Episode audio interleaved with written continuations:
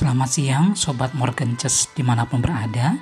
Senang sekali boleh menyapa setiap kita yang tetap setia mendengarkan podcast saya di dalam podcast Morgan Witches Siang hari ini kita akan kembali membaca dan merenungkan firman Tuhan. Meskipun hari ini mungkin di rumah saudara panas karena matahari yang begitu terik menyinari tapi biarlah suasana hati kita senantiasa diteduhkan oleh Tuhan dan selalu dimampukan untuk belajar dan terus belajar menyenangi firman Tuhan. Mari kita bersama-sama sebelum merenungkan firman Tuhan, sebelum membacanya kita mengambil waktu teduh di hadapan Tuhan.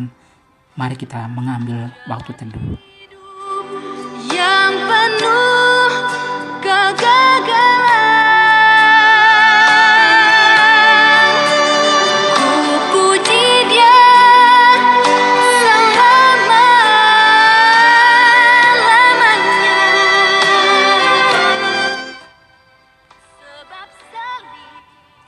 Sobatku, pembacaan kita di hari ini terambil dari kitab Esra pasal yang ke-8 ayat 31 sampai 34. Esra pasal 8 ayat 31 sampai 34.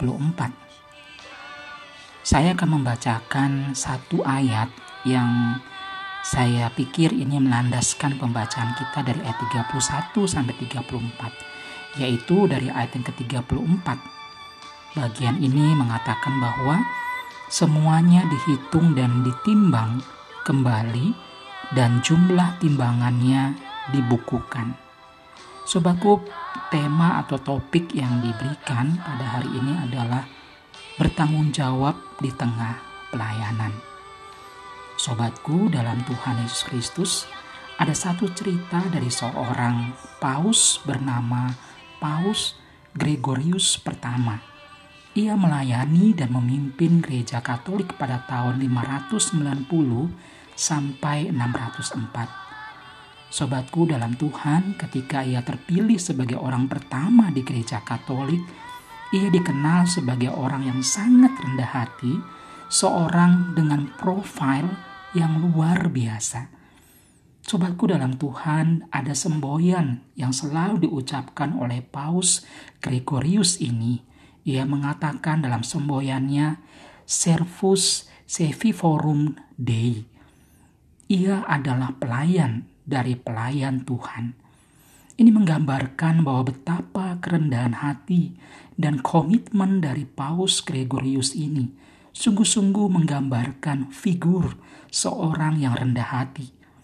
Ini didasarkan pada pemahamannya bahwa jika Yesus yang adalah Tuhan saja dalam kemuliaannya, dalam kebesarannya, dan di dalam ketinggiannya mau turun menjadi manusia, melawat, menghampiri, mendampingi, dan mengasihi manusia, masakan dirinya yang terbatas dan penuh dengan kekurangan itu dan lemah itu, kemudian menempatkan dirinya sebagai pribadi yang lebih tinggi dan berkuasa seperti Yesus.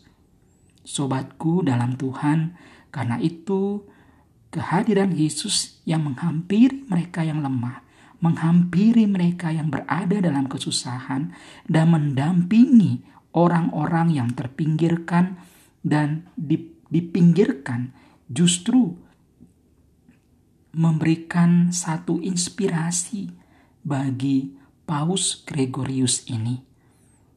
Kalau kita melihat dalam pembacaan ini, kita boleh melihat bagaimana diajarkan dalam bagian ini.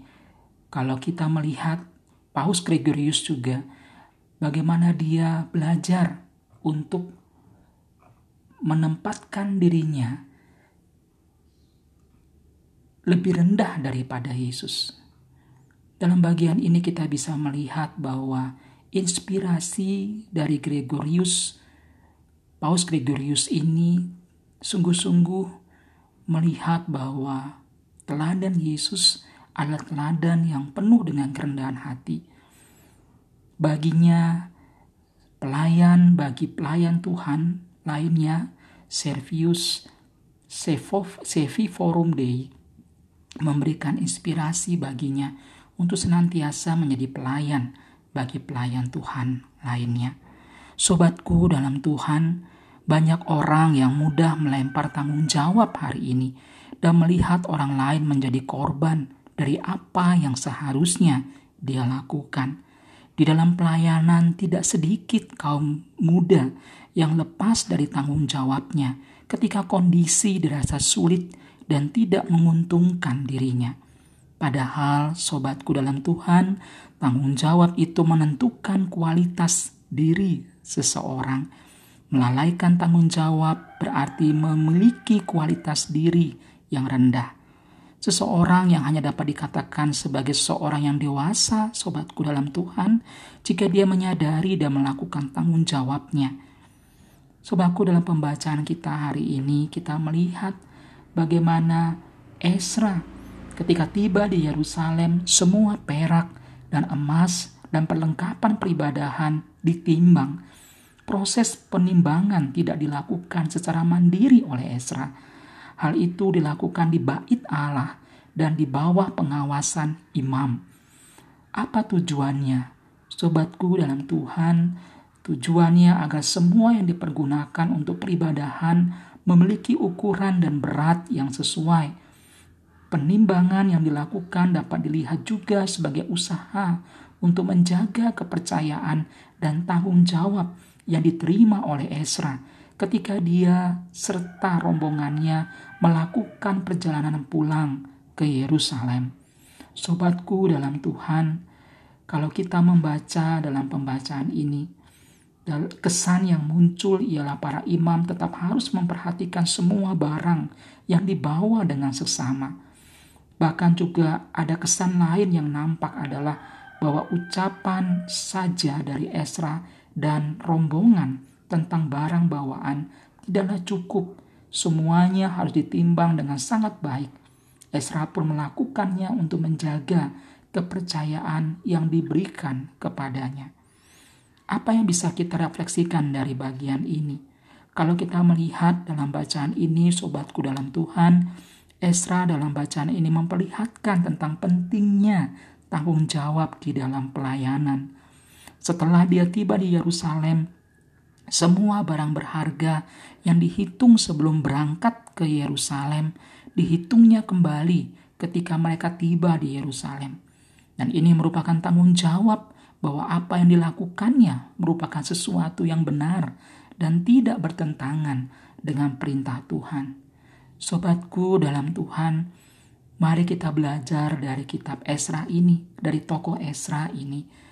Sepele, jangan sepelekan tanggung jawab kita kepada Tuhan, apalagi ketika kita dipercayakan untuk melayaninya di tiap-tiap panggilan hidup kita masing-masing di tiap-tiap bidang pelayanan yang Tuhan percayakan melalui gerejanya. Sobatku dalam Tuhan, mari melayani Tuhan dengan penuh tanggung jawab.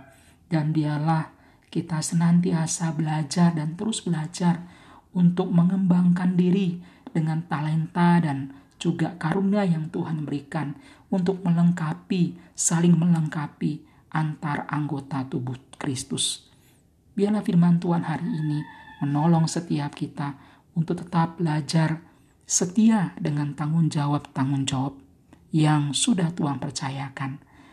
Ada seseorang berkata demikian, orang yang mampu bertanggung jawab di dalam perkara-perkara yang besar hanyalah mereka yang selalu setia bertanggung jawab di dalam perkara-perkara yang kecil.